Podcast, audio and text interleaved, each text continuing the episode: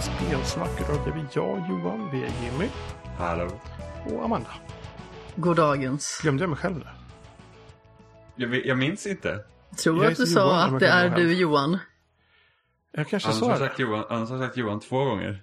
Ja, nu har jag sagt Johan Hej. två gånger. Det betyder att jag är Hej. dubbelt så viktig. Ja, hej Johan Johan. Hur är läget? Jo, ja. Det, det har kommit tillbaka någon sorts halv sommarvärme typ. Inget megavarmt, men det är lite varmare än vanligt. inte här va? Va? Här är det som... Nej, jag vet inte riktigt, nog men jag tycker att det är som normalt. Jag Jag hade ju föredragit om det hade varit svalare. Det är Amanda fortfarande hyfsat sommaren. varmt. Ja. Nu tycker jag att Jimmy tar i lite grann. Jag, jag tycker inte om värme, kan jag säga. Alltså, ska det vara värme så vill jag ha det självvalt. Alltså typ om jag åker på Jimmy tyckte utlandssemester eller något sådant. För Nej men nu är jag smal. Jag Ja. fryser jämt. Jimmys optimala värme är tydligen 22 grader. Medan 22 jag, grader är jättetrevligt. medan jag föredrar när det är mellan 15 och 18 grader. Ja, För att jag gillar att inte svettas när jag andas bara. Jag för mig typ så här 18 eller 17 grader är typ den rekommenderade sovtemperaturen. Det låter inte helt orimligt. Nej, jag tycker det låter väldigt bra. Men jag sover faktiskt utan täcke. Barfota över hela kroppen. Inte jag. Sover med kalsonger. För de som undrar. Det är jag som sover- sover barfota över hela kroppen. Det är bekvämt. Luftigt. Det där med bekvämt handlar mycket om vad, vad man är van med tror jag. Ja, absolut. Sen av någon anledning, nu den senaste tiden, i den här sängen så har täcket förflyttat sig i lakanet. Så det slutar med att jag hela tiden sover med bara påslakan och att allt täcke ligger på Jimmys sida i själva påslakanet. Men det är ju det är ju mer på grund av att valpen skurkar iväg med täcket. För att jag sover ju som sagt utan täcke. Och så skyller han på hunden. Det är klart det är Ni hör ju hur det går här. Det säger sig självt. Har man en hund så är hunden uppenbarligen den man skyller på sig. Och därmed var den saken utagerad. Ja, precis. Så luktar det fis, klart det är hunden. Ja. Man skaffar alltså en hund för att skylla på den. Ja, absolut. Det är Det är, enda det, är det, ja, det är det enda hundarna är bra för. det är det Jimmy enda har alltså hunden haft- är bra för. Jimmy har alltså haft 11 år av att skylla på någon. Vad bekvämt. Det var, åh nej. Kronofogden kom med räkningar jag inte betalade. Äh, det var hunden. Hunden betalade inte räkningarna. Nej, hunden åt upp räkningarna så jag har inte fått några. Liksom funkar i skolan så kan det väl funka nu med. Tycker jag. Fast funkar det en sån sak i skolan liksom? Faktiskt. Jag hade en svenska lärare på gymnasiet som i alla fall tyckte att om man nu väl skulle komma för sent så kunde man ju komma på någon rolig historia i alla fall till varför man var försenad. Så hon, eh, hon föredrog om man drog någon riktig ljugarhistoria som var så äventyrlig som möjligt. Man kommer in på jag stoppar ett kärnvapenkrig. Vilket kan vara sant beroende på eh, vilket spel man har spelat. Om man tänker så. Sant. Ja, jag trodde att du menade morgontrafiken. Vad har kärnvapenkrig gör med morgontrafiken? Ja, det är ju väldigt likt. Gud. Men Johan, du hade, du hade spelat där det faktiskt inte har stoppats någon kärnvapenkrig. Nej, precis. Alltså det var inte meningen att det här skulle vara världens typ eh, segway, men det blev det ändå. jag, jag kände liksom hinten när du pratade om kärnvapenskrig. Jag Så vet. jag bara liksom, eh, menar du att jag ska, eller ja. Ja. Ja, men ja. Skulle jag- du säga att krig aldrig ändras? Ja, ja, precis. War never changes. Eh, jag har spelat det oerhört aktuella och nya spelet Fallout 76. eh, bara för att det dök upp på Game Pass. På PC? Så kanske det var. Det kanske bara PC det finns. Nej, jag tror det finns på Xbox One också. Ja, ja i alla fall. Faktiskt. Eh, för det vill jag testa. Jag hade en kollega på jobbet som har spelat det ganska mycket själv. Så, och han sa att det var ändå ett helt okej spel. Så jag tänkte testa lite. Um, och det har väl hänt typ mängder av saker sedan det faktiskt släpptes. De har ju lagt till NPCer och grejer och sen dess. Vi, jag kommer ihåg, vi var ganska peppade när det visades på E3 att vi skulle spela det. För vi tänkte, åh oh, nice, typ ett DayZ i Fallout-miljö liksom. Ja, vilket inte är, det är ju mer Destiny typ. Ja. Ish. Ja, och mycket sämre. Ja, men, äh, men det, det, det känns väldigt nära Fallout 4 på många sätt. Eh, I spelmekaniken. Eh, men ändå känns det som Destiny på det sättet att, man, att det finns eh, events i spelvärlden och så vidare. Och man ser andra spelare springa runt lite här och där. Um, och, fan som jag tänkte på nu då. Och sen är det ju saker som förändrar typ perk-systemet är att du lägger kort på varje special. Mm. För det är som alltid i Fallout-spelen att det är den här special så är det för S för strength och, och sådana saker. Och så istället för, jag kommer inte ihåg exakt, man, vä- man väljer väl bara perks undan för undan i Fallout 4 väl tror jag. Um, vid typ varje level eller någonting sånt där. Men i detta så är att du samlar på dig kort. Så du kan liksom lägga på hög och eh, kombinera för att få en bättre nivå på sådär. Så det är väldigt lootbox-optimerat.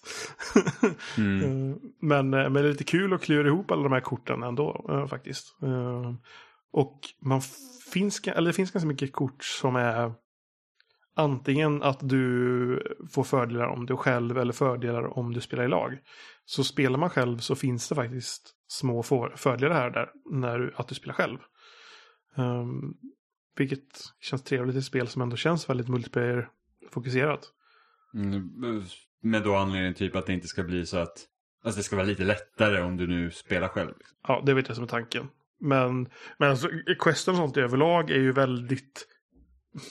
Alltså det är ju befästa Fallout-questar. Uh, i, alltså, tror- Det finns en sak där borta. Eh, gå dit och så eh, händer det någonting där. Eller... ehm, Alltså det, är de, det är ju de sämsta questarna från Bethesda-spel. typ. Ja, väl fatt- den typen av questar som är i det här spelet. för jag tror det var det jag och Oliver, alltså en stor anledning till att vi slutade spela det, det var ju liksom bara för att du tog upp ett quest och sen så skulle du gå aslångt. Och skulle du gå Mm. dit och sen så skulle du kanske gå till ett annat ställe aslångt så det var hela tiden så stora transportsträckor. Det var så att, men för alltså man- nu har det här spelet kastat mig liksom fram och tillbaka på den här jävla kartan. Det är Ja. liksom, det blir absurt. Sen har du upptäckt ställen så kan du ju fast travela. Men det kostar caps och laddningstiderna är horribla eftersom det är liksom online-laddningstider. Liksom. Det, det är ju inte som du laddar ett spel och du ska bara liksom ladda in från hårddisken och sen är det klart. Utan det är ju så mycket annat så att laddningstiderna är ju horribla om du fast travelar. Så det går typ fortare nästan att springa ändå. Än vad det ska tvärs över kartan. Ja. Eh, sen så fanns det ju, jag kommer ihåg att ett quest vi gjorde så skulle vi typ hoppa en hinderbana. Det var rätt så kul. Men det var, hörde inte liksom typ Alltså det var inte ofta man träffade på ett quest som var så här kul. Ofta var det bara du ska hit, ta den här grejen eller typ döda den här fienden. Och sen är det ju, även fast de ska då ha lagt till mer NPCer och så vidare då i, i någon relativt nylig uppdatering tror jag det var. Ehm, Jag tror det är den senaste liksom st- stora liksom typ expansions... Så är det ju att liksom när du spelar questar och sånt så, så sig ju väldigt mycket på ljudloggar. Så Mm. även fast du typ... Jag vet inte om det är så att många av uppdragen så har det inte varit då att det varit noll NPC verkligen. Ehm, och att det verkligen bara varit uh, audiologs, sådana holotapes.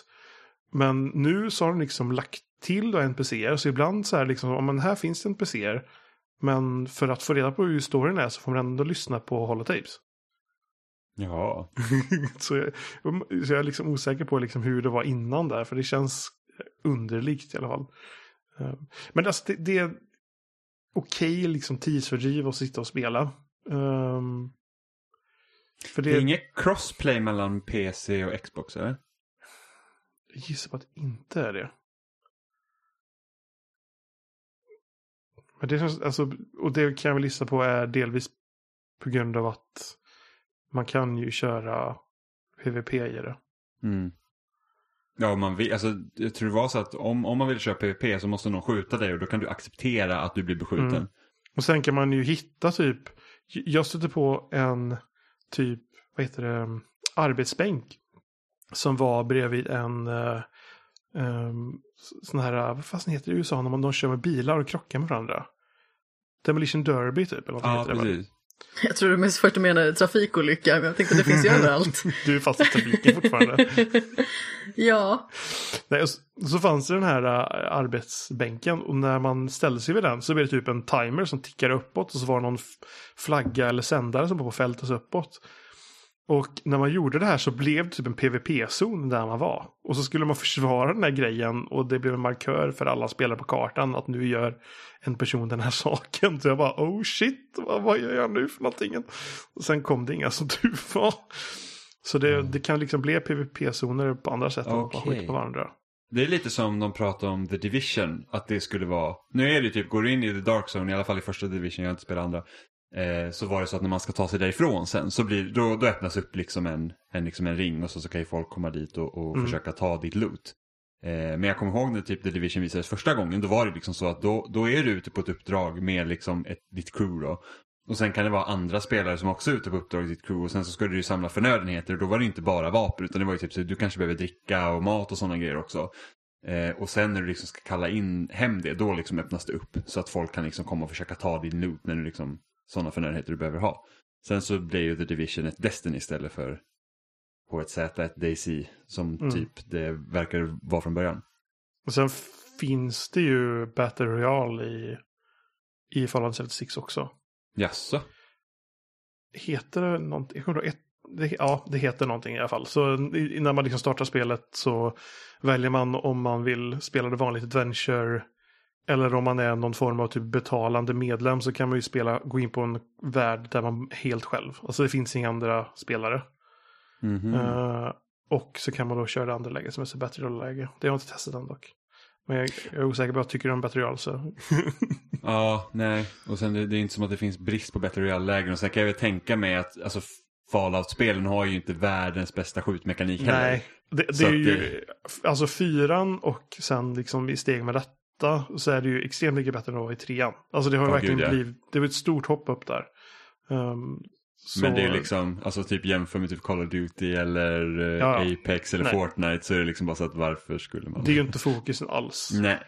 Jag kan väl tycka att det blir mer fokus i detta eftersom det inte har det klassiska paus. Du har Vetsen, väl, liksom. Vets finns väl kvar men det pausar Ja. inte tiden på samma Det är sätt? realtid. Så Mm. det, är liksom, det blir realtid och så ser du en grön markör på en fiende. Och så scrollar du för att byta kroppsdel. Så i panik hinner man ju typ aldrig byta kroppsdel.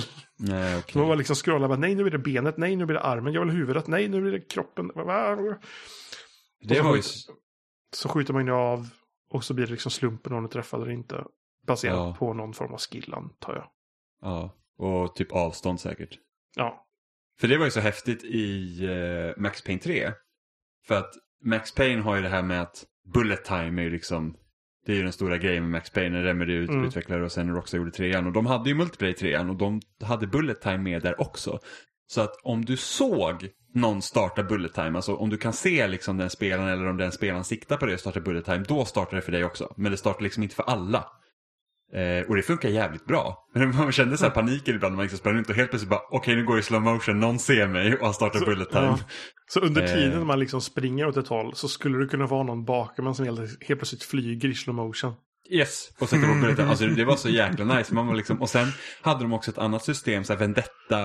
Eh, så att om det var någon som dödade dig, eller om du dödade den, så, så kunde den säga att ah, men jag har en vendetta mot den här personen. Och då får man liksom bonus om man dödar den då. Så att det var liksom, hade sådana här små liksom, tävlingar nästan vid sidan om den liksom, stora matchen då. Så man liksom hade, visste man att det var någon jäkel som var ute efter den hela tiden, då var det liksom mer spännande. Max Payne 3s multiplayer var riktigt, riktigt kul. Jag tyckte det var helt okej, alltså single play-läget i det också faktiskt. Ja, Det var inte det sämsta spelet jag spelat. Nej, alltså jag väntar ju fortfarande på att det spelet ska liksom bli bakåtkompatibelt på Xbox. För att Ja, det blev aldrig det, sp- nej. Och, och eh, jag tror anledningen är eh, musiklicenserna.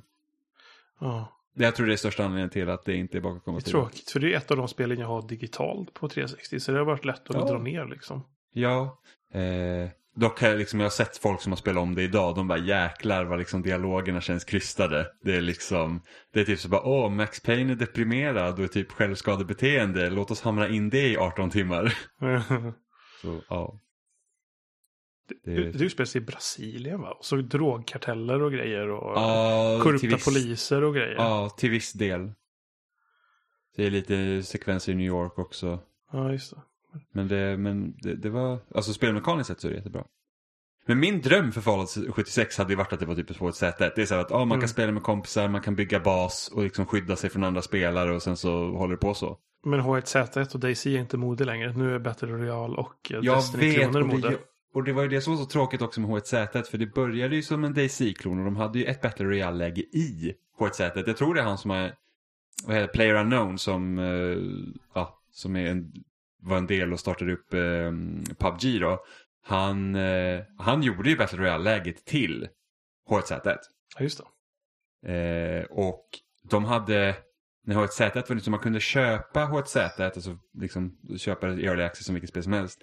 Och sen så behövde du ha biljetter för att köra Battle Royale-läget och de kunde du antingen få typ, du fick en om dagen eller någonting sånt, eller så kunde du köpa med mikrotransaktioner de biljetterna så du kunde spela det Battle Royale-läget. Eh, och sen blir det så himla, det blir mer populärt än, än liksom själva survival-läget då, så att de börjar liksom lägga över alla resurser på att utveckla Battle Royale-läget. Och så liksom dalar det på själva survival-läget. Det var jättetråkigt. Nu finns inte det spelet längre överhuvudtaget. Eh, und, ah, kanske att Battle Royale-läget är kvar men survival-delen är helt borta. Det går liksom inte Mm. att spela det längre. De har liksom stängt ner det totalt. Undrar om, ens, skit. Vad sa du? undrar om ens Epic har planer på att släppa Fortnite. Som det faktiskt var. Ja, eh, Save the World-läget är ute ur Early Access. Det är klart, Ja. har jag för mig. Men det är liksom, alltså säger du Fortnite så är det ingen som kommer tänka på Save the World. Nej, liksom. nej, men så är det. Sen är det ju, eh, vad heter det nu då? Uh, Biowares nya spel. Anthem? Mm, nej, inte Bioware. Ah, jag tänkte fel. Obsidian menar jag. Jag tänkte på fel. Ja, eh, Grounded. ja. Ja, det finns ju på, eh, det finns ju på Xbox Preview nu. Mm, jag via laddade ner det på datorn men jag har inte Jag har, startat också, den. jag har också laddat ner det. Vi borde, vi borde spela. Om det är crossplay. Det vet jag inte om det är. Annars så spelar jag på Xbox bara. Men, så det ja, du har ju en Xbox. Jag, ja, så det borde vi göra. För att det, dock, var, dock var det lite så här, eftersom det är early access fortfarande, så bara hur mycket tid vill man investera i just ja, nu? det är det. Så. Man, men, Men det hade varit liksom kul att bara starta igång testa. det för att... Ja, jag läste om någon hade någon bugg på att det var typ sådana här larver som typ Infinite-spanare som bara typ körde över spelarna hela tiden. Att, Ja, för man, eh, man skaffar väl olika typer av vapen och kan bygga. och Ja, bygga saker. baser och det finns uppdrag att göra och, Ja. och lite allt möjligt. Så det, det ser faktiskt jätteroligt ut. Och sen så, Mm. jag älskar ju verkligen den här, eh, liksom det här med att man är liten i en trädgård. Mm. Det tycker jag är skitspännande. Eh, för så Det är ju typ, eh, vad heter det, älsklingar krympte barnen, the game typ. Ja, men precis. Så jag älskar ju sånt när jag var liten, typ när man liksom såg någon liten håla vid en stubbe liksom och tänkte, vad där kunde man bo och grejer. Men det är ju så, det finns ju väldigt många av den typen av eh, spel till exempel som det ser ju charmigt ut just på grund av att det är det här.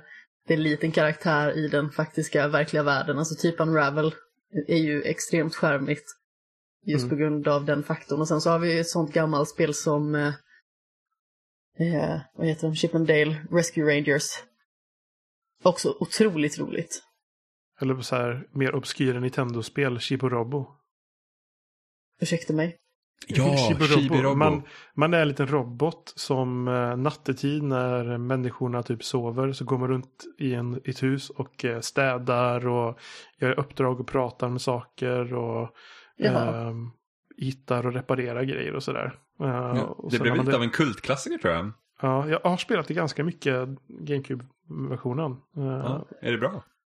småkul. Eller så här, man, man springer runt och så gör saker, hittar grejer och så så blir det att man kör liksom en natt och sen så går man in i sin lilla typ podd, lite så här rymdskeppaktig sak och så typ eh, laddar upp sig och sen så blir det nästa dag eller natt eller hur det är. Ja, för visst hade man ju Visst hade man typ en elsladd också man behövde koppla i sig för att typ få igång vissa grejer och sånt också? Och det är typ det är som en svans som springer efter Ja. Alltså GameCube hade så himla många konstiga spel. Det var typ så Dosing the Giant var ju liksom Det var typ så här ett gudaspel när man liksom sprang runt den här jätten och skulle typ skapa en by och grejer och sen så eh, Vad mer tänkte jag på? Animal Crossing var ju liksom ett obskyrt spel när det kom. Det var ju liksom annorlunda. Eh, Ja. Och Alltså Pokémon fick ju också ganska många så här lustiga spel som Pokémon Channel till exempel. Det var ju liksom, det, det är liksom ett jättemärkligt spel där liksom Mm. spelar, så, det liksom är, är med Pikachu och andra liksom Pokémon och så tittar du på tv. Så var det någon animerad eh, typ serie om Pikachu och Pichu där som man kunde fixa. Och så, så var det, man behövde, du kunde inte se ett nytt avsnitt liksom på rad sådär, utan det låstes upp typ varje dag. Så jag tror det var tio dagars period så låste man upp grejer och så kunde man typ sätta på någon sån här träningskanal så kunde man träna med sin Pikachu. Och det var typ, typ man behövde det spelet för att kunna få Jirachi i Pokémon Sapphire och Ruby. Mhm. Så att det, det är liksom så här j- jättemärkligt spel det spelet verkligen. Chibi-Robo kompis. fick ju ett spel till DS som var liknande som GameCube-spelet. Ja. Sen fick du även ett spel till 3DS, eller även det till DS, som var 2D-spel istället. Alltså en side-scroller. Så lite Ja. mer obskyra spel. Men jag, jag tror inte Chibi-Robo är någonting som... Jag, om det, det är, är det Nintendos varumärke ens? Se. Jo, det tror jag nog. Nintendo, ja. Nintendo har gett ut det i alla fall. Det finns ett spel, GameCube, Wii, Nintendo DS och Nintendo 3DS. Det finns ganska många spel. Chibi Robo 2005, Chibi Robo Park Patrol, det var till DS. Sen har vi ett annat spel och det verkar som att det inte kom någon annanstans än i Japan. Sen har vi Chibi Robo Photofinder och C- eh, som kom 2014. Och sen har vi Chibi Robo Zip Lash som kom till 3DS som släpptes 2015. Det är kul när Nintendo är konstiga, som typ Nintendogs. Det var också Ja. ett, en märklig grej, det var liksom en typ superavancerad uh, Tamagotchi liksom. Vilket var asroligt, jag älskade första Nintendogs. Det, det är synd bara att Nint- Nintendo har sån här som du liksom, de väljer att inte satsa på. Varför inte komma ett nytt Chibi-Robo till Switch liksom? Jo, för att vi tror inte det kommer sälja lika mycket som det här eller det här varumärket. Mm. Samtidigt så, liksom, om Nintendo, liksom, jag tror de sätter liksom rätt marknadsföring på det så säljer, alltså många av deras egna spel blir, går ju liksom över miljonen. Vilket är jätteovanligt. Liksom med tanke på vilken typ av spel de gör. Det är liksom inte någon så här stor produktion, typ God of War-liknande spel, utan det är ju Mm. lite simplare, liksom väldigt spelspel, liksom. Speliga spel. Men de har ofta, det är samma sak på Wii liksom, det är jättemånga miljonsäljare så att man tänker sig att oj, liksom, shit. Hur gick det här till? Ja men lite så, liksom att det är Ja. ingenting man förväntar sig egentligen. Som uh, Animal Crossing nu. Ja, Animal Crossing är ju, det är typ, alltså det är ju, kan, det är ju ett av deras bästa varumärken. Liksom. Alltså om Mm. man tänker bara rent på spelmässigt. Sen så typ, ta en gigant som Pokémon så är det så himla mycket kring. Men Animal Crossing måste ju vara det mest sålda spelet till Switch i år. Eller? Jag tror Ja, att det är säkerligen. det snabbast säljande Switch-spelet överhuvudtaget. Ja. Faktiskt. Alltså det är ju Eh, helt galet egentligen. Jag förstod nog inte riktigt hur stort följe Animal Crossing hade heller på förhand för att när året liksom startade då kände jag så här att Animal Crossing är nog inget spel som jag kommer att spela. Och sedan såg jag på sociala medier att folk var helt galna kring det här släppdatumet. Liksom, att det här är den heliga dagen på hela året ungefär. Och eh, den måste vi fira. Eh, så det var väldigt härligt att jag faktiskt fick vara med på tåget någonstans och uppleva det. För det var ju en eh, väldigt underbar spelupplevelse någonstans. Ja, tajmingen kunde inte vara bättre. Precis. När det kom. nej. Världsläget. Men, men Alla tyvärr är vill skapa sin egen tillvaro Man, någon annanstans. men, men det är ju sånt spel som man aldrig tröttnar på efter ett tag. För det var samma med när jag spelade på 3DS också. Liksom. Det höll ju inte speciellt länge för mig heller då. Um, jag tror Alltså- nog att det till Switch nog är nog det jag har spelat mest dock. Jag också. Jag kommer inte riktigt ihåg hur långt jag kom, men jag spelade väl i alla fall över en 120 timmar, 125 kanske. Jag trodde ju i min enfald att det här skulle vara ett sånt här spel som jag skulle försöka att spela varje dag resten av året, bara för att liksom se hur spelet utvecklas.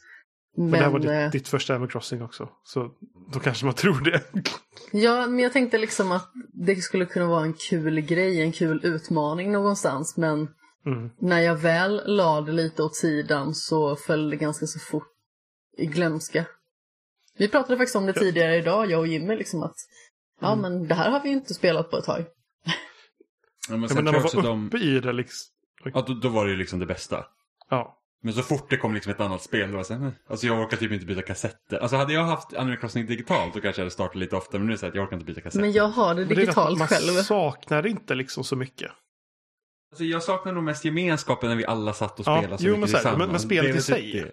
Nej, och sen tror jag att de uppdateringar Nintendo släpper, det är kul. Men nu kan man ju typ simma och liksom hitta typ snäckor och sånt i havet. Och nu ska man kunna liksom designa egna fyrverkerier och sådana grejer. Och det är ju kul, men jag känner liksom att de uppdateringar som kommer nu, det är lite lite. Jag vill liksom ha, jag vill ha en, en ny affär. Alltså, inte Ja. bara uppgradering på nuckaffären, jag vill ha en ny byggnad att sätta på min ö. Liksom, jag vill att sådana saker ska ändras. Så att liksom, det känns som att liksom kommer en liten uppdatering så känns det så lite att det är liksom så att jag kommer inte starta min Switch med Animal Crossing för att få simma lite i vattnet. Utan då liksom så att nu händer det liksom, nu händer det mycket grejer. Då kanske jag känner mig att vi startar den. Och sen de här typ eventen de har haft, de är liksom så att, ah, alltså typ det här museum-eventet man kunde göra var ju så att, ja ah, men gå och tryck på tre knappar och sen får du ett litet liksom plakett.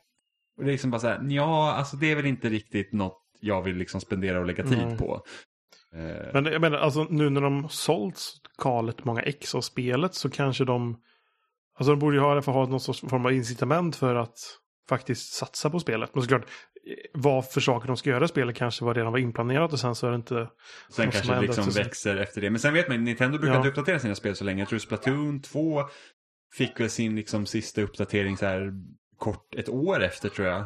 Det, det hade släppts. Nu det Samtidigt är Smash. Crossing ett sånt spel som de...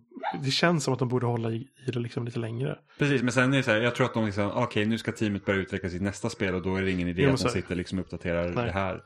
Eh, för att det var ju typ, alltså Mario Kart 8 fick ju två expansionspaket och det, de kom inom det första året och sen så fick vi deluxe-versionen som hade lite extra grejer men det har ju inte fått något DLC.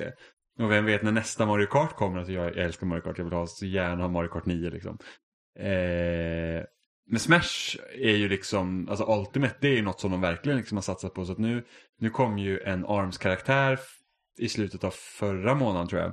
Och för de är Och inte sen- klara med karaktärerna där än va? Jag tror det ska komma sex fighters till.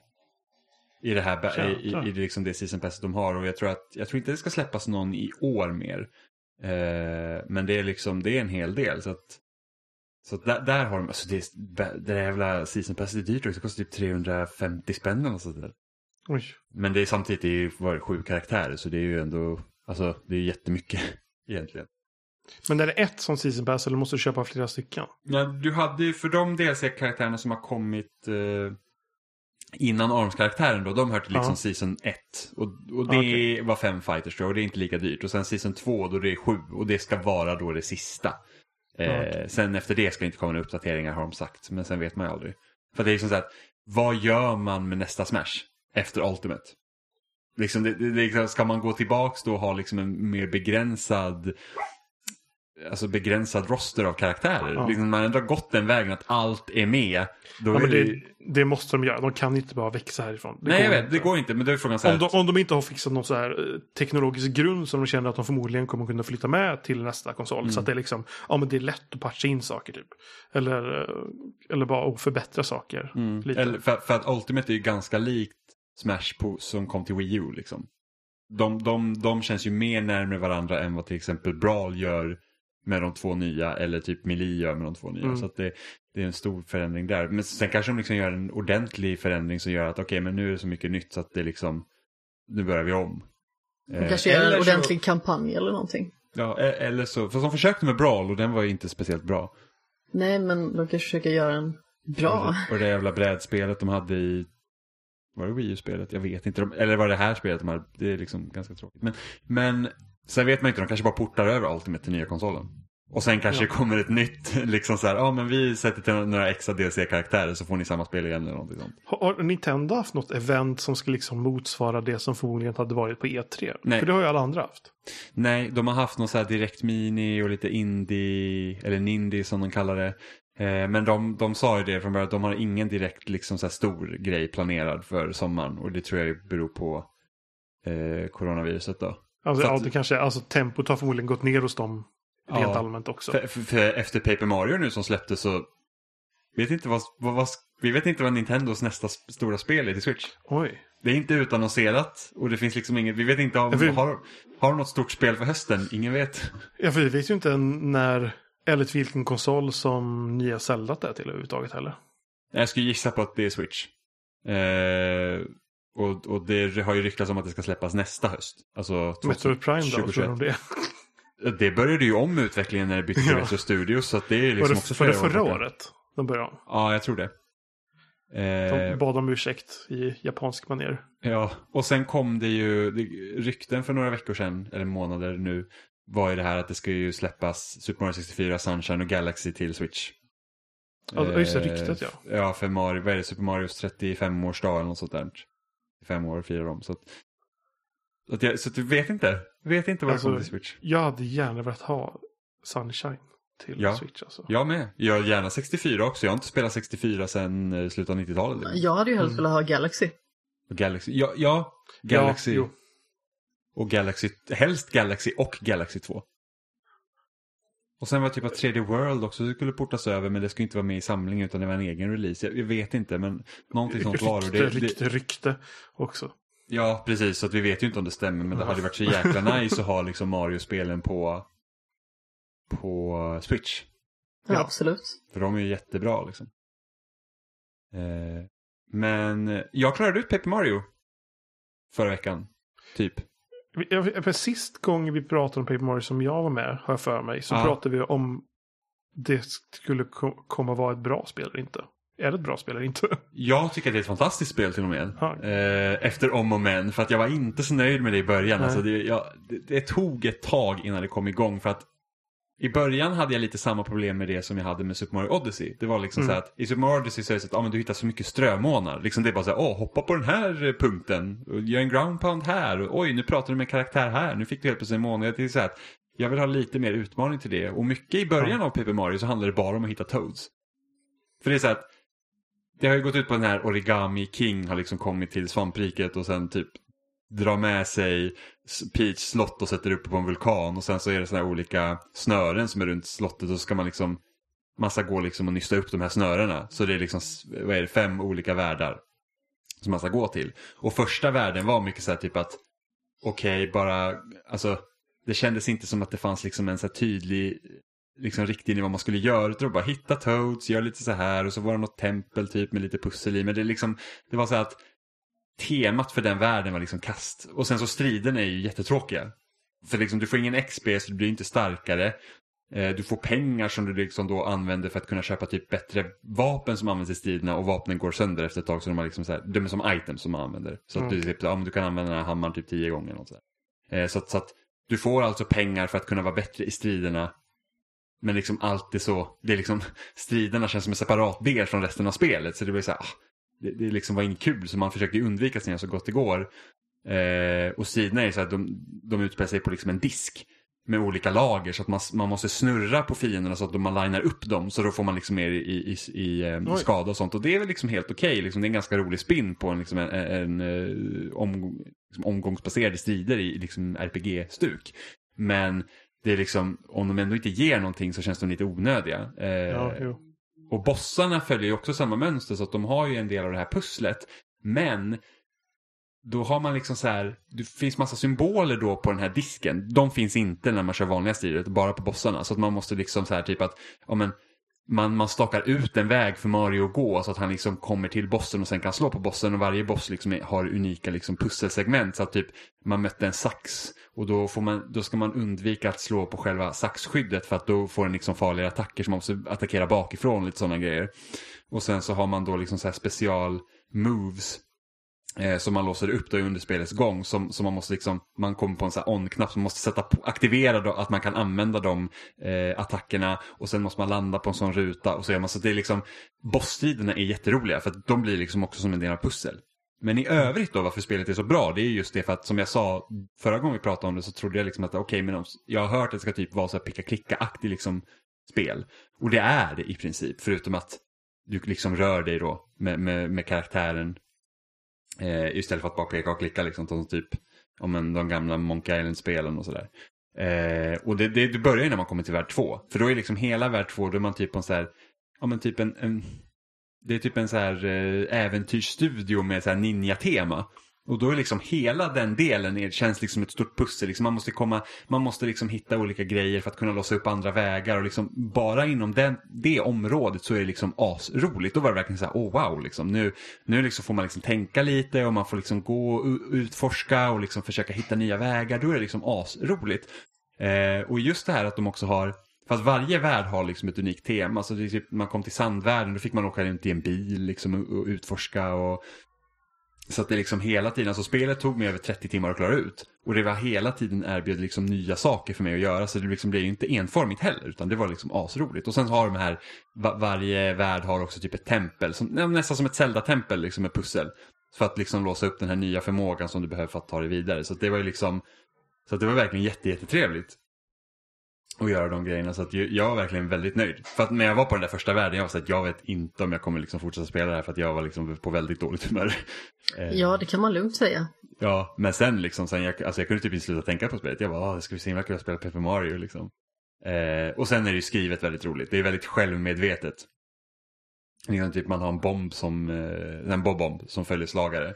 Och så kommer man till vissa delar, du vet, så här, man bara, ah, vet du vad man kan göra med en bomb? Man kan spränga bomben, kanske vi skulle mm. spränga upp det här. Och spelet liksom hela tiden lutar mot det här att han är en bomb, men det är ingen som liksom Bomben själv liksom uppfattar inte att han kan spränga sig. Så det var nej vi måste gå hit och göra det här istället. Man bara, åh nej. Så att eh, det är väldigt, väldigt, väldigt roligt. Så jag är väldigt nöjd. Jag tyckte det var ett eh, kalasbra spel. Så att, eh, det tycker jag absolut att man kan, eh, att man, man ska köra om man är intresserad. För att det, Nej, det var kanonbra verkligen. Det är, jag tycker det är nog ja, lätt topp 10 i år alltså. Tycker jag. Alltså, jag tycker det känns rent generellt, om man ska prata lite positivt Nintendo överlag, att av många av deras liksom, spel som de alltid släpper liksom hela tiden till varje, har de släppt väldigt bra varianter av till Switch.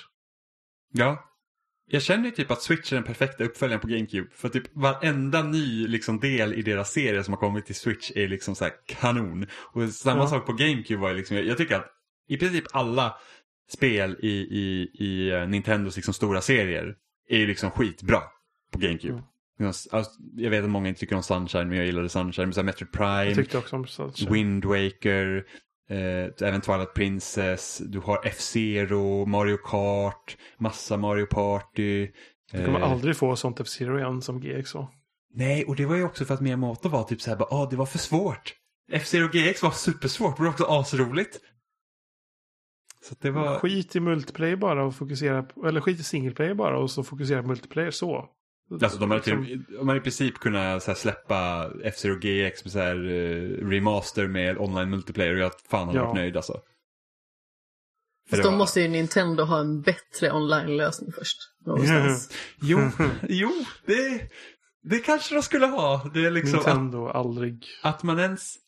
Alltså jag, äh, så här, deras online-tjänst är superbillig. Men jag känner ändå rånad varje gång man måste betala för det. För att det är så här att det här var, det, det har inte ändrats någonting sedan det var gratis.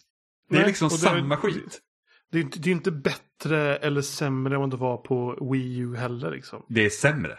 Skulle jag säga. Ja, det, jo, det är. Alltså, För att Wii U hade ju ändå Miiverse och, och allting. Liksom, det var jättestora liksom, online-grejer där som liksom kände att det var som ett litet liksom, stängt community. Men, men det här är liksom, det är inte alls bra. Liksom, jag vet inte liksom. Och sen har de här NES och SNES-spelen då som, som är gratis och som följer med liksom prenumerationer. Men de släpper ju nästan aldrig spel till det längre. Åh oh, gud, jag startade typ så någon gång i halvåret typ och bara se liksom, har det kommit ett nytt spel? Och så ibland så är det verkligen så, nej det har inte kommit något nytt. Och det känns som det var liksom en månad sedan jag kollade sist. Och bara liksom, varför inte? Ja, ja, ja jag startade SNES-appen häromdagen. Jag bara, det, det, det, det finns ju vissa spel som jag skulle vilja spela här. Men sen var det så att Alltså det borde ju vara ett jättestort bibliotek. Det borde liksom så här, de mest obskyra titlarna borde ju också finnas känns det som. Men samtidigt så att om man tänker nu är det en annan tid idag än vad det var liksom när Wii fanns. För att nu liksom har ju utgivare och sånt, de släpper liksom sina egna spel liksom i utgåvor. Mm. Så att varför skulle de sätta det gratis på Nintendo tjänst? Jag skulle jättegärna typ ha Chrono Trigger och Final Fantasy och alla sådana klassiker men alltså, det, Square det, det kan lika bra galet. sälja det själv det som var så galet till Wii var ju att det var inte bara Nintendos egna konsoler. Nej. Det var ju typ Sega och typ Turbograf och, ja. och liksom, det var, det, det, var en helt sjuk tjänst.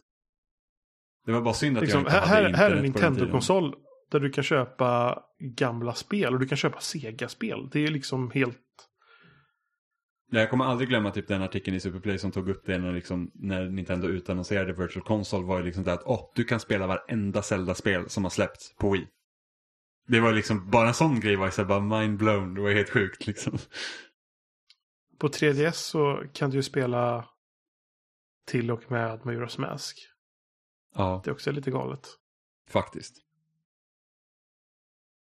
Men som sagt, jag hade gärna spelat, alltså, jag hade nog, jag hade nog spelat en mer retro också om det hade liksom kommit, alltså de hade liksom, Men jag kan se en charm i, i typ det Nintendo gör nu. Att de, de fokuserar mer på att göra nya spel. Och liksom håller det på sin fokus. Men jag kan tycka att de hade kunnat lägga in lite portar också. Liksom. Jag hade gärna jag, hade tyckt om att de portade deras HD-releaser under till Wii U. Typ Ja. Zelda-spelen och så.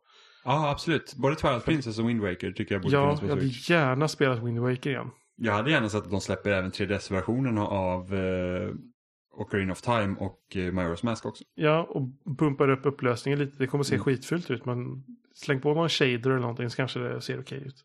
Ja, A Link Between Worlds är också ett eh, otroligt bra spel. Det hade jag fint spela på Switch.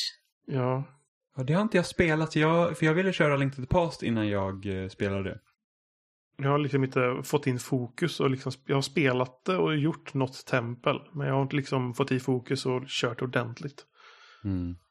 Spelade du Link to the Past då, Jimmy? Ja, det har jag gjort. Jag, jag spelade faktiskt när det... Eh, jag spelade på min SNES Mini. Det Så gjorde jag faktiskt.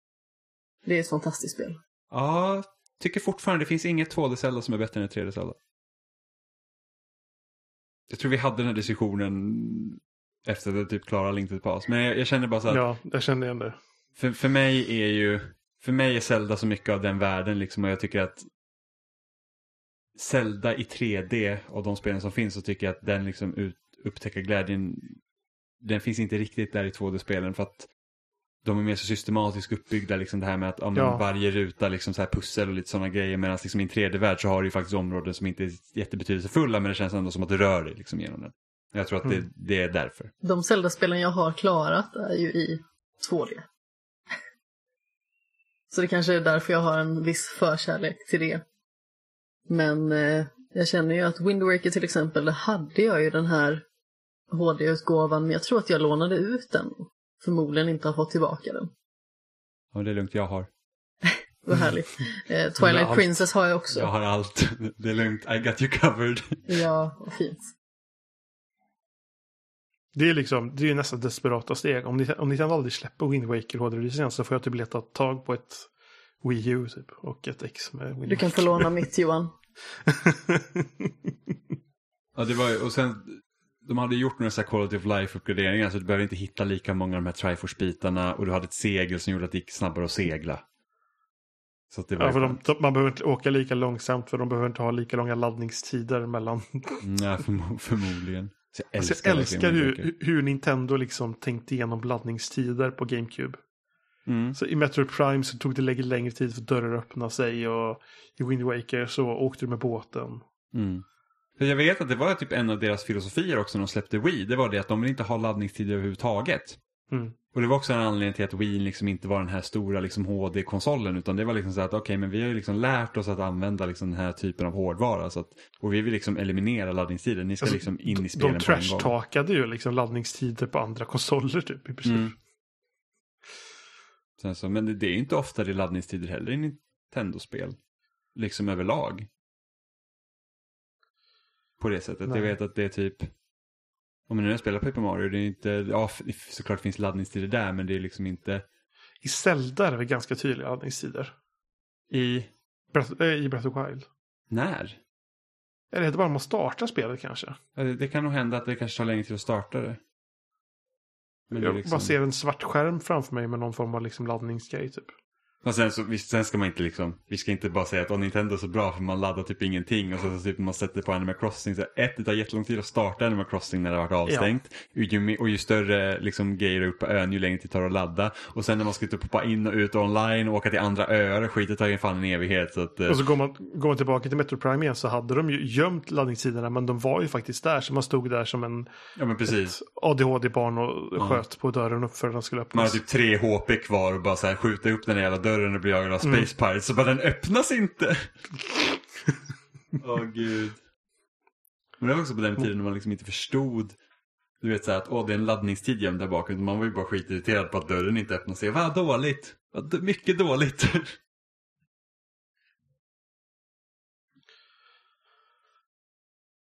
Ja. Vad har ni spelat mer för saker då? Kan Ja, Bolla över till Amanda. Jag kände att jag sakteliga började smyga mig in där. Ja. Eh, Jag har ju spelat klart Nino Kuni 2 Revenant Kingdom nu i alla fall. Efter mycket, jag höll på att säga om och men, men efter många timmar snarare.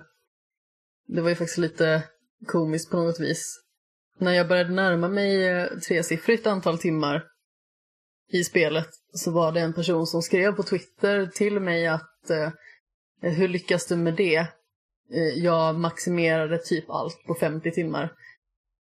Och det kanske är mycket möjligt att man kan göra det. Jag vet inte riktigt vad jag har spenderat tiden på, men när jag slutade och spelade och la undan det för tillfället så hade jag spelat 140 timmar. Det ska också tilläggas då att jag eh,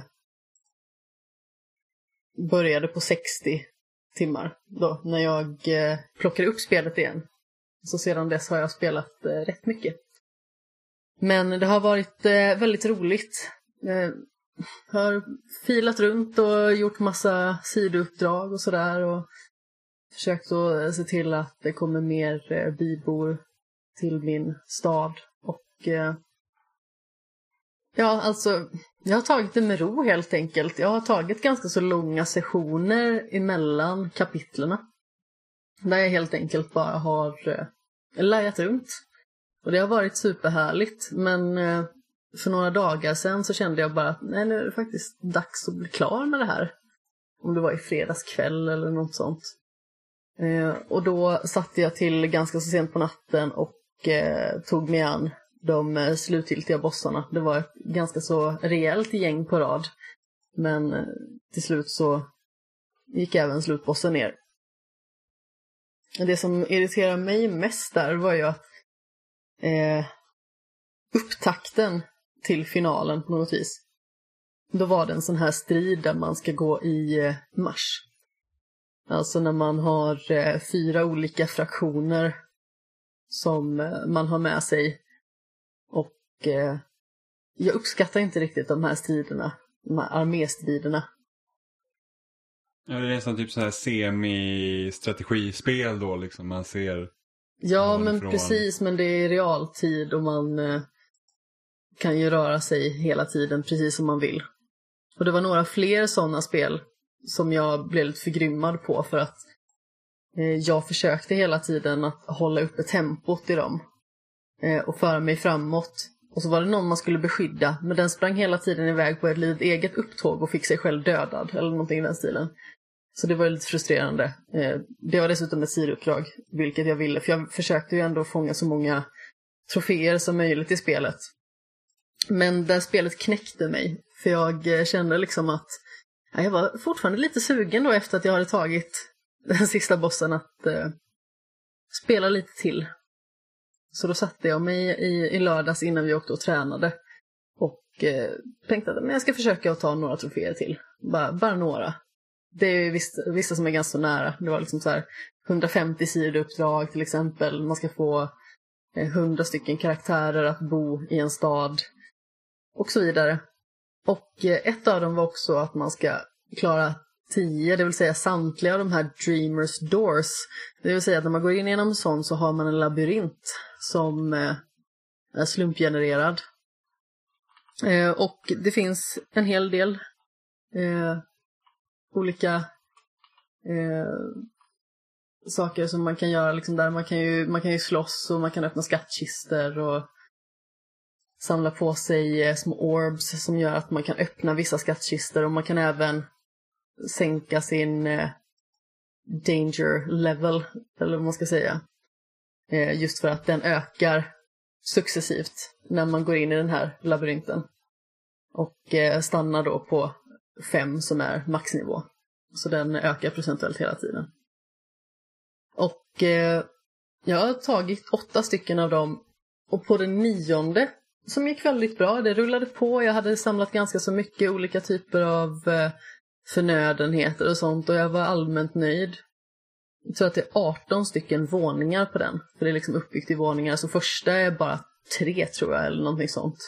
Eh, medan den sista är 30. Och eh, då stötte jag på en bugg. Nej. Och eh, jag var på, jag tror var på 14 planet eller någonting sånt. Eh, ska springa in i en strid och helt plötsligt så är det fyra väggar runt mig. Och jag kommer ingenstans.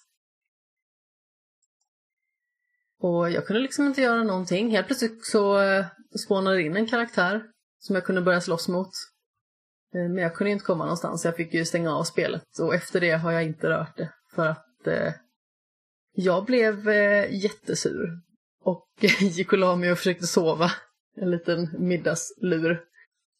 Bara för att försöka och eh, få bort den här upprördheten. Men det gick inte riktigt. Sånt är hemskt. Ja, men det är så himla tråkigt när man verkligen känner att men nu är det här nära. För det var också att ta nio stycken sådana är en del av ett sidouppdrag och att ta tio stycken sådana eh, då får man en trofé. Så det är liksom många faktorer som gjorde att nu vill jag verkligen ta den här. Så att jag kan gå vidare, för den tionde låses bara upp när man har tagit alla de första nio. Så då var jag in- inte så nöjd. Men eh, jag är väldigt nöjd med att ha klarat spelet i alla fall. Det är ett eh, fantastiskt spel. Jag tycker att det är helt underbart, även att det förmodligen har eh, kastats en och annan eh, liten ilsken kommentar mot spelet. Framförallt i de här arméstriderna, men även liksom när jag har eh, stött på en sån där orimlighet som den här buggen då, när jag blir inlåst i eh, inom fyra väggar.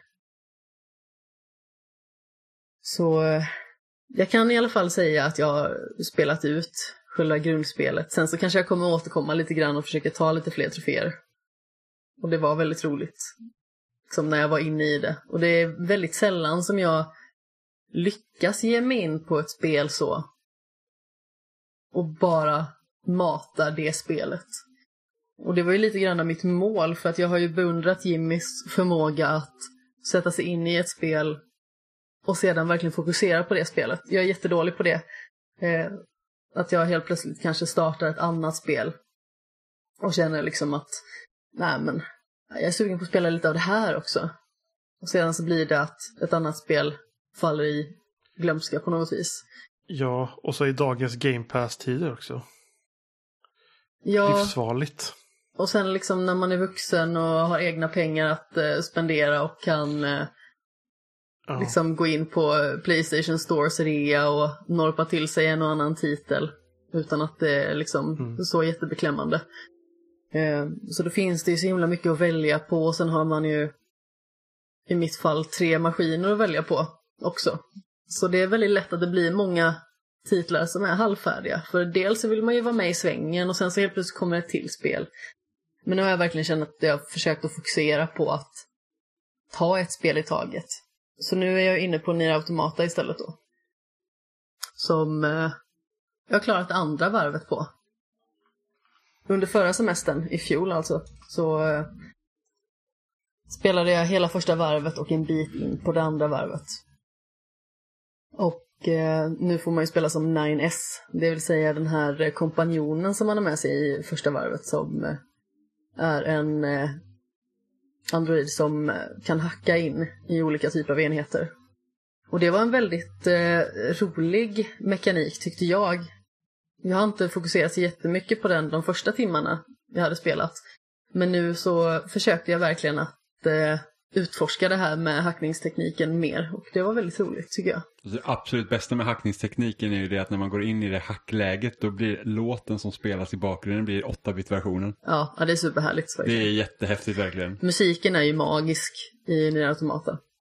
Den är liksom så stämningsbyggande och så känsloladdad på något vis hela tiden oavsett vad det är för typ av stämning som ska sättas. Eh, och det här är ju verkligen ett spel som jag håller väldigt varmt om hjärtat. Jag har precis börjat på tredje varvet så det ska bli väldigt spännande att se vart det leder för någonstans.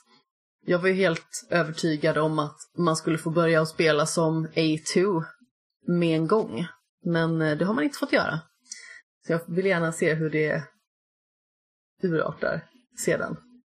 Men så jag hoppar från ett rollspel till ett annat och jag tänkte faktiskt någonstans ta ett lite mindre spel emellan så jag laddade ner Overland som är ett eh, inte så jättelångt strategispel men jag kände att det här är inte vad jag är sugen på just nu så då tog jag bort det bara för att jag inte skulle typ gå in och halvspela det.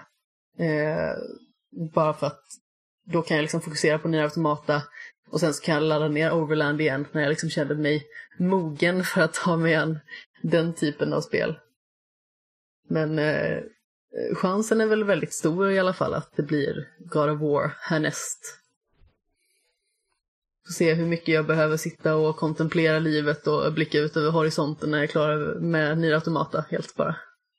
Jag tror det roligaste med Nier Automata det är faktiskt spel som försöker säga någonting.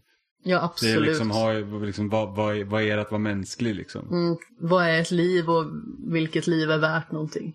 Mm. Det, Det finns ju många intressanta frågor. Vi ska komma över på det lite grann, men det var väldigt roligt för att eh, Jimmy satt och spelade Deadly Premonition 2. Och eh, det är så förbaskat konstigt. Så jag kände liksom bara att det här får ju Nier Automata att kännas så solklart. Jag har inga frågor. Men alltså, eh, alltså det första Premonition var ju liksom, alltså det var ju liksom så dåligt så det blev bra spel. Alltså- men det var typ medvetet. Alltså man så. kan typ säga att första Premonition är det bästa sämsta spelet jag spelat. För spelmekaniskt så är det liksom väldigt undermåligt. Men Ja. det som är så bra med Deadly Premonition det är hur det är skrivet. Liksom alltså eh, huvudpersonen, så, eh, vad heter han nu, Francis York Morgan. Eh, York i alla fall. Han som FBI-agent som han spelar då, alltså han är ju så otroligt charmig som karaktär. Alltså väldigt, alltså första Deadly Premonition är väldigt inspirerat av Twin Peaks. Eh, och, och man känner direkt igen York som typ den här eh, Agent Cooper-karaktären. Liksom. Ja, Dale Cooper är fantastisk. Så att han är ju liksom så här, ja men charmig, väldigt självmedveten, otroligt filmintresserad och det var det som tog många på sängen den gången. För liksom, liksom, när man körde bil i det spelet så var det så att Ja men helt plötsligt började han liksom droppa liksom film, alltså filmkunskap. Han liksom pratade då med Zack som är liksom någon form av, eh, men liksom han, har, han har typ dubbla personligheter så han pratar med Zack. Eh, och Fast han Då- gör det som att han skulle ha någon på länk. Emot, Ja emot men mycket. precis, liksom det är så, här, ja, och sen Zack är ju typ spelaren, liksom jag är Zack, det är jag som kontrollerar spelet, så jag är liksom Zack i princip. Även, även om då, spoiler för Deadly Premonition 1, Zack är också en riktig person. Eh, men liksom i, i själva spelet, även i tvåan, så, så liksom är det är det liksom Zack han pratar med. Och tvåan utspelar sig till viss del nutid, till viss del 2005. Så att det utspelar sig liksom både efter och innan första spelet. Eh, men där liksom, man tänker ettan var ju liksom lite av en kulthit, liksom det här med att ah, det är lite kackigt men liksom storyn gör det intressant. Så tänker man då att en uppföljare borde ju inte kännas sämre i, i det liksom, i de ordlagen. För tvåan, alltså jävlar vad fult det är. Alltså det, Alltså det är ju inte bara fult, det är ju dysfunktionellt. Ja, alltså det är typ när man är ute i o, liksom den öppna världen då, det är en liten stad och så här Le, Le Carré heter det. Eh, som är någon eh, stad in the deep south i USA. Eh, så, alltså det går liksom, det går kanske typ 15 bilder per sekund. När man liksom åker runt i den staden. Och den staden, det är inte som att det är så här, åh, en gigantisk öppen värld. Utan det är typ någonting som liknar med typ street, alltså, vad heter, vad heter det nu? Crimes... eh, True crime. Streets of LA, typ. Alltså du har en liten så här kvadrat som, som du rör in i. Det är jättedålig draw distance. Det är liksom, spelet ser ut som ett PS2-spel förutom då ka, liksom karaktärsmodellerna. De ser ut någonting från typ tidigt 360. Alltså bost- bostadsområdena i det här spelet, det ser ut som att någon har varit jättedålig på The Sims. Mm. Men alltså det är typ San Andreas. Det är liksom så det ser ut. Eh, men det är liksom inte det som hookar med de här spelen. Det är ju det är liksom berättelsen och speciellt då liksom huvudkaraktären som är liksom rolig. Men är du hookad av det här spelet? Eh, Du sitter ju och spelar eh, samtidigt med, eh, Med Gustav. Gustav. Mm. Alltså, första spelets mysterium drog in en på en gång. För det var verkligen liksom så här typ att, åh här har vi det här mordet. Det är det här ritualmordet av den här unga kvinnan liksom. Som, och, och, och den här mördaren som var liksom ständigt närvarande och typ nästan jäcka en. Liksom. Och sen hade de här konstiga stridssekvenserna med typ liksom spöklika fiender. Liksom typ, om man har sett The Ring of the Grudge, liksom de eh, liksom typ bleka eh, Eh, liksom spökena med svart långt hår. Liksom, då, då vet man liksom om, för så funkar det liksom i första spelet. Det här är ju inte riktigt det. Det här spelet känns ju som att det liksom är utvecklat för de som älskar första spelet i åtanke. Och liksom att man har koll på det spelet väldigt mycket för det är liksom det refererar till sig själv, liksom det som hände i första spelet är väldigt viktigt i det här spelet. Ehm, och Men det är liksom det hookar den inte, alltså mysteriet har inte hookat den än. Det är liksom mer märkligt. Men det är liksom inte den här typ att åh, jag undrar vad som händer. Utan det är så här att jaha, okej, liksom uppdragen är baserat typ att du ska gå hit och så går man dit så har man en jättelång cutscene. Alltså igår satt vi, vi var så här, men ska vi spela lite till? Så bara, ja, men vi kan spela en, en liten stund till. Och då hamnar vi liksom i, i, i typ cutscene i 45 minuter. Och det är, liksom, det är mycket nonsens som bara säger, för karaktären de pladdrar på liksom, men det är inte jättebetydelsefulla saker de alltid säger. Och visst, det kan vara kul liksom att York är lite en goofball och, och, och helt plötsligt kommer han in på liksom en typ 10 minuters lång tangent om en film som inte är relevant överhuvudtaget. Men liksom någonstans är det också att ah, det räcker lite. Liksom, det behöver liksom inte dra de här långa harangerna för att vi liksom ska komma vidare till nästa del. Eh, så det, det, det är lite synd det första spelet var betydligt indragande mer i sitt mysterium än vad detta är hittills. Och då har vi ändå spelat sju timmar just nu så det är inte som att vi är, inte har kommit en bit in. Det är inte som att det här är liksom de inledande två. Utan det är ju liksom om spelet ska vara runt 20-25 timmar så har vi snart liksom kommit hälften då. För att vi har ju ändå gått ganska bra på liksom huvudstoryn. Eh, så att det, det är lite synd. Alltså för någon som står på utsidan och tittar in så som jag gör så känner jag bara, vad är det här för mög? Alltså, jag kan någonstans se att första spelet förmodligen har fått något kultfölje. Och jag har inte spelat första spelet så jag kan liksom inte skriva under på liksom, den stämpeln som det spelet har fått. Första spelet såg dock också ut som mög om man tittade på det. så att... Ja, nej, men men, alltså, det, men det är lite blixtnedslag på samma ställe två gånger. Yes. För att alltså, första spelet liksom fick betyg allt från så här 4 av 10 till 10 av 10. Jag tror inte att tvåan har fått liksom samma höga praise. Eh, Nej, men sen så det finns så himla många faktorer, alltså av det jag har sett på utsidan då. Alltså jag tycker ju att manuset är horribelt dåligt. Alltså det är något av det värsta jag har varit med om. Och visst, man kan tycka att det är charmigt när han går liksom på sina haranger och det hade kanske varit om det hade gjorts på ett bättre sätt. För att det känns liksom det känns liksom inte ens charmigt eller lite obskyrt utan det känns bara som att han sitter och liksom ska vara viktig på något jättemärkligt vis. Och det känns mycket som att det är det karaktären är också. Jag finner liksom ingen charmighet i honom överhuvudtaget, så som det oftast kan finnas dock i den typen av karaktär. Alltså du nämnde till exempel Dale Cooper då från Twin Peaks som är en karaktär som jag finner alldeles förtjusande.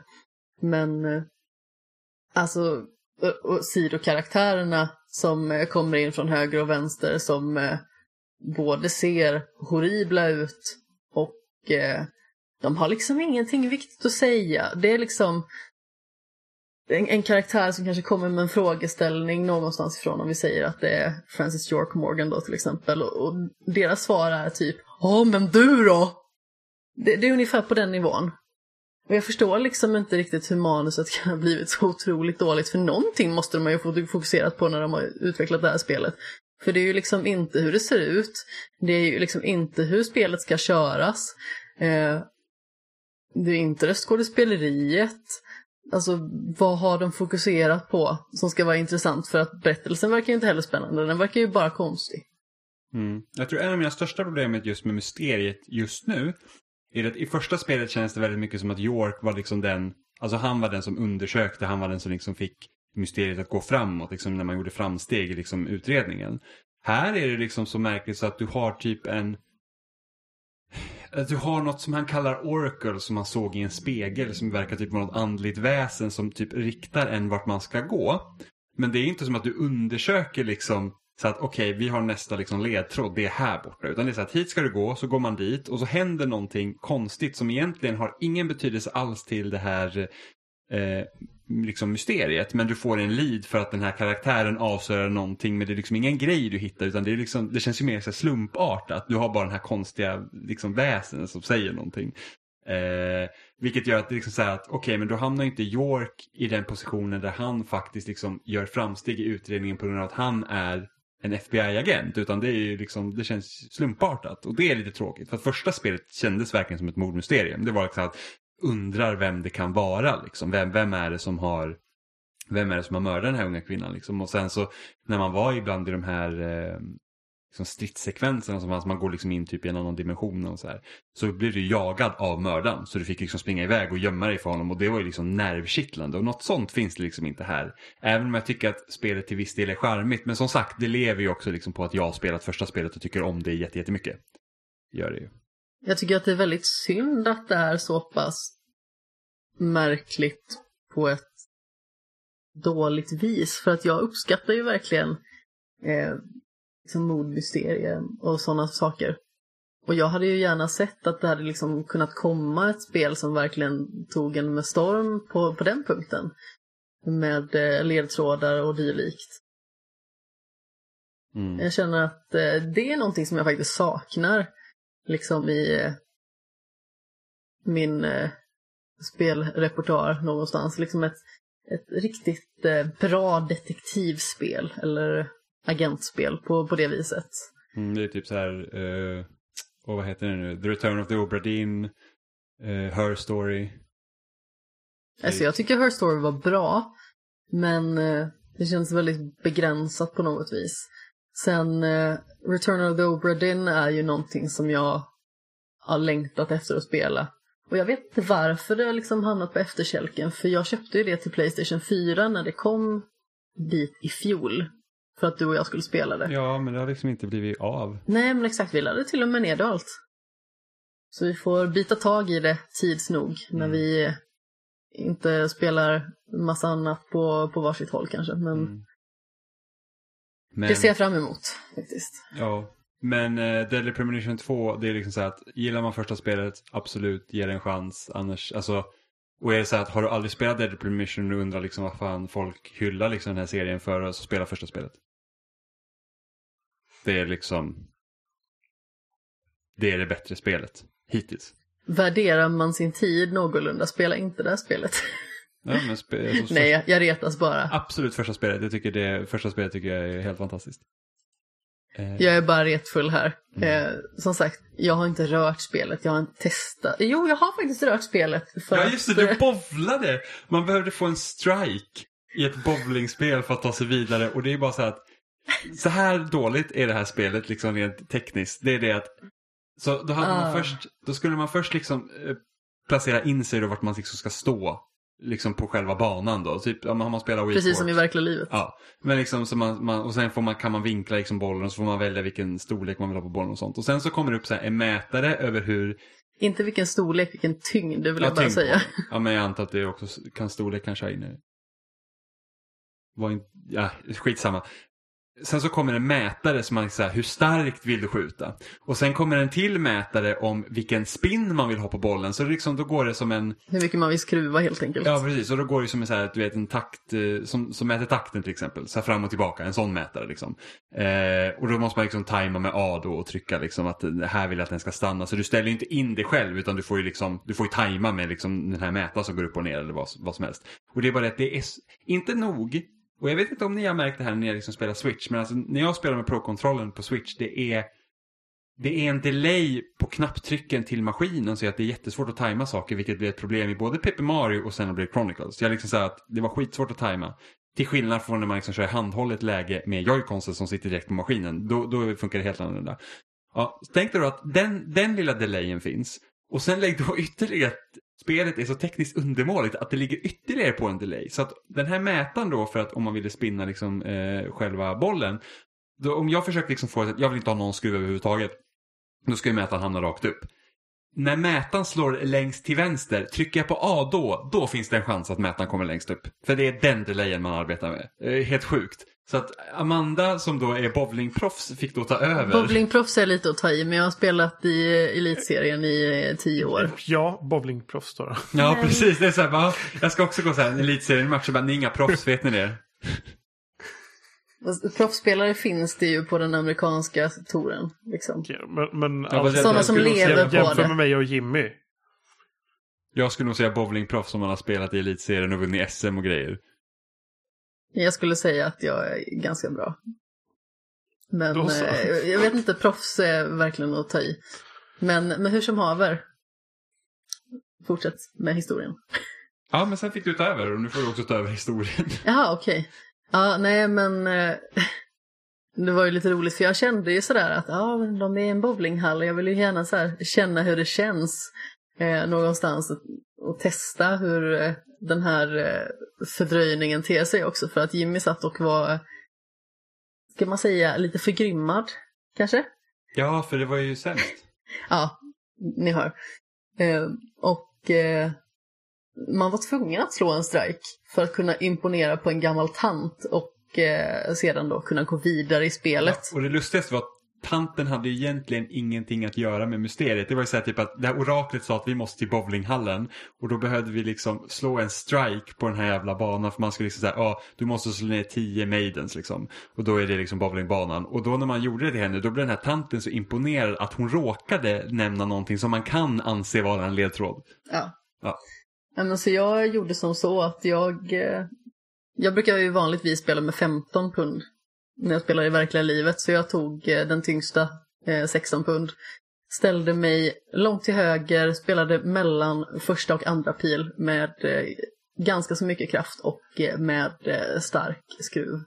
Och eh, jag tror att det blev eh, strejk strike efter bara några försök. Tack och lov. Men eh, ja, det hade tagit en liten stund av eh, vissa arga ord och eh, morranden från herr Seppele. Eh, innan jag eh, tänkte att ja, men jag kanske kan få, få testa lite. Ja du klarade det i alla fall, slapp jag. Ja, det var roligt. Det var lite synd om Gustav däremot som hade lyckats slå en strike men eh, förlorade ändå.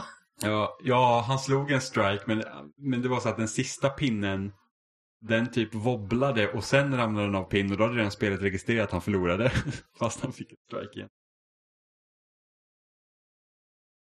Ja, men det, det var, det var, det var, det, det var det liksom. Och det är så irriterande i verkligheten när eh, en kägla typ eh, rullar över kägelbordet eller typ, eh, ska man säga, den tippar över och sedan reser den sig upp igen. Det har hänt. Ja, fy fan. Det, det är få saker som är så hjärtskärande som när det händer. Förutom eh, kanske när kägla nummer åtta står. Det är så nära ett eh, perfekt slag som det går. Eh, och man kan inte riktigt härleda varför det inte blev strike. Det är hårt liv. Jag har spelat ett spel till. Det har du. Eh, Superhot Mind Control Delete som är då uppföljaren till Superhot. Va? Ja. Precis, mer Superhot. Eh, så, eller de säger att det är det tredje spelet och då räknar de med Superhot VR också antar jag, som jag inte har spelat. Eh, och det som är grejen då med Superhot är ju det att tiden, det, det, är liksom, det är en first person shooter kan man säga och tiden rör sig när man själv rör sig, annars står den still. I princip. Eh, ja, precis, bara för att de märkte att när det stod helt still så är det svårt att avgöra vart fiender och sånt rör sig så att man missar oftast. Eh, det finns ett läge i det första spelet där man faktiskt kan göra så att tiden faktiskt står helt stilla och det är betydligt svårare. Eh, men tvåan, eller ja tvåan, det här spelet då, man fick det gratis för övrigt om man hade köpt första spelet så att det, det var ganska nice. Att jag älskar Super, jag tycker första spelet är liksom, det är helt magiskt. Eh, detta är inte lika bra. Eh, och det är för att de har liksom lagt till lite typ så här roguelike element istället. För att liksom först, första spelet är väldigt tydligt, du har, det är de här banorna du kör och så kör man dem. Liksom att nu, är näst, nu har jag klarat den här banan så får du nästa bana. Men där var det så att blir du träffad så, så dör du liksom. Det är liksom one shot kill. Och så är det även på fienderna givetvis. Eh, här är det så att du har tre hjärtan istället så du kan bli träffad tre gånger. Men då när du kör på banorna så, så hoppar du in i en sån här node så att säga. Du är liksom inne i ett dataprogram. Eh, och de här nodesen då kan ha allt från att du måste klara fyra banor till att du måste klara 15 banor till exempel. Eh, och då har du liksom tre hjärtan. Eh, och stor grej med det här spelet då att du liksom du hackar dig in i det här datorprogrammet så du kan ge dig liksom själv power-ups. Eh, så att när man liksom, du klarar en bana sig till och så kommer du till en ny grej och då kan du liksom välja en av två power-ups. Liksom, så att, ja, men shit, jag har blivit skadad så jag kan hela mig. Eh, eller typ, ja nu, eh, nu har du liksom så att dina kulor de går igenom fiender så du kan liksom skjuta två i rad. Eller du laddar om snabbare eller vapnen har mer ammo och lite sådana grejer. Eh, så, så, det är ju rätt så kul liksom att de, de liksom leker lite med sån här att ja, men vi ändrar lite spelreglerna. Så som det var i första spelet så behövde du liksom köra speciella liksom challenges eller modes som fanns i spelet efter att du hade klarat ut det. Där du liksom kunde, ja men till exempel jag har bara katana i det här nu eller sånt. Eh, och här liksom har de lagt in det liksom i spelet och sen så kan man då, så får man under spelets gång så låser man upp också core så att man liksom kan eh, så man kan liksom ändra liksom sina förutsättningar när man redan startar en node eller liksom en serie av banor. Då. Eh, och då som till exempel du, om du slänger katana så kan du liksom kalla tillbaka den till dig eller du kan liksom eh, suga dig åt fiender för att slå dem i ansiktet liksom, så får man liksom en kill. Så att, så att de har ju liksom lekt med sådana roliga saker. Eh, jag hade ju fortfarande föredragit att de hade liksom haft banor precis som vanligt och sen så kan jag modifiera själv liksom, hur jag vill liksom tackla dem. Eh, för problemet blir då att de har liksom x antal banor, jag tror det är de här 15 stycken faktiskt. Eh, och de slumpas ju. Alltså en, när du startar en node så slumpas det liksom fem banor som du får spela. Och det betyder att under spelets gång så kommer du få spela om samma banor väldigt, väldigt, väldigt många gånger. Och är det något jag inte tycker om så är det att spela om samma sak om och om igen. Eh, så det, det kan bli lite trist. Visst att man liksom lär sig. Jag, jag lär mig inte så bra för att jag, jag har överhuvudtaget har dåligt minne på det, det sättet. Jag hittar ingenstans eh, och jag lär mig inte banor. Det är därför det typ det är svårt att spela Siege till exempel. Jag, liksom, när folk säger att oh, de är i det där rummet, jag är så här, jag vet inte fan vad det rummet är. liksom, jag kanske hittar dit om jag har tur. Eh, och det blir samma sak här, så för mig är det inte så att oh, jag blir jättebra, för att så här kommer alltid liksom, fienderna stå eller så här kommer alltid starta.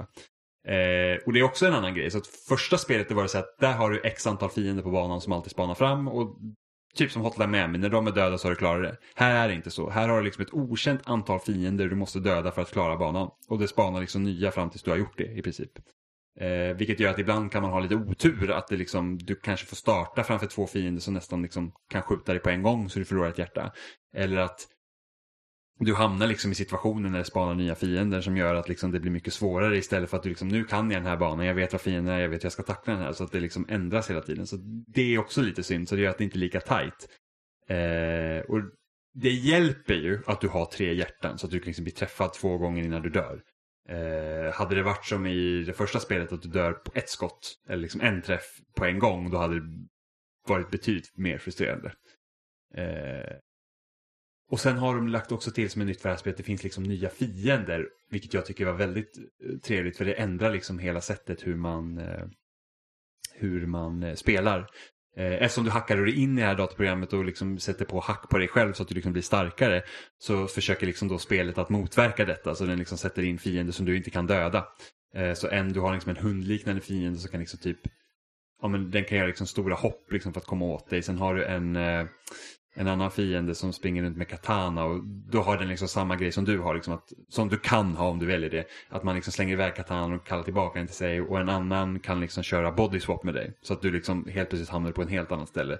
Och eftersom du inte kan döda dem då så måste du hela tiden vara rörlig. För att många gånger på de här banorna så är det ganska enkelt att liksom säga att okej okay, men jag hamnar i det här hörnet och liksom det är fritt bakom mig och till höger och vänster så jag vet alltid att fienderna kommer komma från samma håll och jag har liksom bra vapen och sådana här grejer. Så att då kan jag liksom liksom, jag, jag, blir inte rörd, jag kan stå still liksom och klara banan ganska bra. Men just när de liksom slänger in de här nya fienderna så blir det liksom så att okej, okay, jag kan liksom inte stå still utan jag måste liksom röra mig runt på banor. Och det får en också att bli mycket, mycket bättre på spelet också. När man liksom blir utmanad. Liksom de trycker på det. Så att jag, det var jag väldigt nöjd med. Det är fortfarande superhot så det är jättebra. Eh, men jag träffade på en jättekonstig bugg när jag startade spelet första gången. Så det var så att, för att Ja, man startar spelet och så kommer jag in och säger att jag har tre hjärtan. Jag bara, ah vad nice. Och sen så säger jag så att det är vapen som flyger i luften. Så det är osynliga fiender. Jag bara, ah, okej, okay, de har lagt till osynliga fiender och därför har man hjärtan då. För att då, liksom, då spicar de upp det helt enkelt och gör det liksom lite svårare. Men då har de också lagt till hjärtan så att liksom man ska, alltså då ursäktar det sig. Men så börjar det bli så att jag, fan, liksom, jag dör av fiender som inte håller vapen. Liksom, de slår mig med nävarna och då ser man inte någon alls. Så det är bara, hur fan ska jag liksom lista ut vart de är? Så jag liksom börjar bli jättefrustrerad istället. Så jag spelar typ en timme så här, så jag, jag måste läsa recensioner på det här spelet. Jag måste, någon måste ju bara, liksom bara spy galla på att det här existerar. Och alla recensioner bara, åh det här är typ ett av de bästa actionspelen som finns och det är så himla bra och de tar liksom element från ettan och gör det bara bättre och bla bla bla. Jag, och då blir jag så ännu mer irriterad. Jag bara, ingen kan ju tycka att det här är bra. Så googlar jag liksom så här, bara Superhot Invisible Enemies och då är det en bugg. Så det läste jag att starta om spelet. Men ändå, jag spelade typ en timme med osynliga fiender. Alltså alla fiender var inte osynliga, bara vissa. Det var ju det som var så märkligt också. Eh, så att där gick jag runt och var liksom såhär, bara fy fan, varför har de gjort så här? Men så det löste sig. Eh, men det är ett jättebra spel. Så att, så att gillar man Superhot och vill ha mer Superhot så ska man absolut spela det. Det kostar typ 150 spänn eller någonting sånt där. Eh, och sen, det är väl lite så här självmedvetet, det kör ju lite så här kritik med att man liksom jagar typ alltså egentligen ganska onödiga belöningar egentligen. Liksom, man spelar liksom att man dödar hejvilt, man, man liksom gör dumma saker för att få en achievement till exempel. Så man, alltså, sista achievement man låser upp i spelet, för att klara spelet då är det en timer på åtta timmar. Så spelet måste stå på åtta timmar. Det, det, det, var liksom, min Xbox igår var på i åtta timmar i, i sträck för att jag skulle få den grejen liksom. Och det spelet typ så här, ja men alltså Känner du dig typ viktig eller tycker du att det är bra eller sådär. Och bara en massa, en massa kroppar efter det här liksom. Tycker att det är liksom värt tid att spendera i. Liksom. Det, det är lite sånt. Men det är inte storyn som är liksom det roliga när man spelar Superhot. Det var samma sak i första spelet. Det var liksom inte storyn man spelade för. Man var, alltså jag vill bara liksom köra de här banorna för att det är kul. För att det är en jävligt bra idé. Det här med att tiden rör sig när du rör dig. Det är liksom, alltså man känner sig, man känner sig så häftig när man liksom gör något så här sjuk grej. Och sen så varje gång man har klarat en bana så, så får man ju se liksom, då spelar ju sekvensen upp liksom som du har spelat den. Fast liksom i realtid istället för att liksom gå i slow motion. Alltså, man, alltså det är typ sådär typ John Wick måste känna sig eller någonting. Så att man, man, liksom, man tar upp en katana, man skickar in den i en fiende, den tappar pistolen, man fångar pistolen i luften, skjuter någon till höger, slänger iväg den pistolen, tar upp en shotgun. Liksom. Det, det, det är så jävla bra feeling bara när man spelar det spelet. Så att eh, gillar man Super så ska man absolut spela det här spelet också tycker jag. Och det var allt jag hade att säga om det. Superhot alltså. Har du spelat Superhot Johan? Ja, inte hela, men jag har kört en bit in i det i alla fall. Mm. Tyckte du om det? Det är klurigt. Ja, det kan Men på ett bra sätt.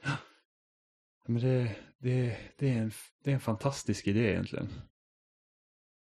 Inte typ att det skulle hålla för typ ett trippel A-spel på typ 15 timmar och göra det liksom. Utan det är ju liksom det är en arkadgrej helt enkelt. Och som det tycker jag att det är helt fenomenalt bra. Det första spelet. Uppföljaren är lite sämre. Men det är fortfarande bra.